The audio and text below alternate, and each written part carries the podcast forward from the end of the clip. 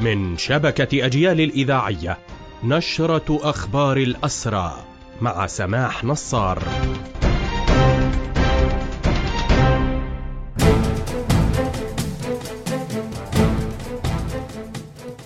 أهلا ومرحبا بكم إلى هذا اللقاء. تواصل سلطات الاحتلال احتجاز 170 طفلا وقاصرا يتوزعون على معتقلات عوفر ومجدو والدامون. هيئة شؤون الأسرى والمحررين حذرت من إن هذه السجون تفتقر للحد الأدنى من المقومات المعيشية مشيرة إلى أن الأسرى الأطفال يتعرضون لأساليب تعذيب ومعاملة حاطة بالكرامة ومنافية للمعايير الدولية لحقوق الإنسان.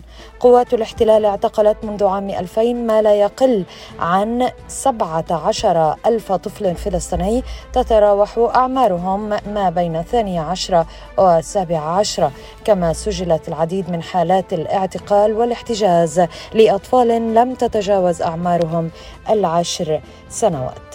نواصل في أخبار نشرتنا أيضا هذا الصباح.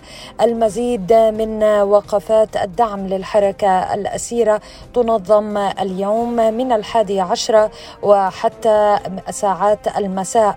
هذه المسيرات تتوزع على الخليل طول كرم طوباس أريحة رام الله وسلفيت وجنين ونابلس وتهدف لدعم الأسرى وإسنادهم وخاصة المرضى وعلى رأسهم الأسير المفكر القائد وليد دقة.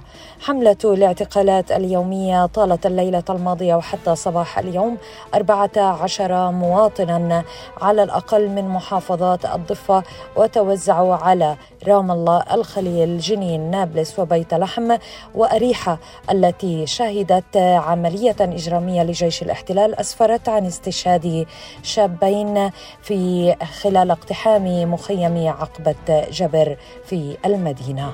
بهذا مستمعينا تنتهي هذه النشرة الخاصة بأخبار الحركة الأسيرة. قدمناها لحضراتكم من راديو أجيال. الرحمة والخلود لشهدائنا الأبرار وتحية الحرية لأسر الحرية وتحياتي سماح نصار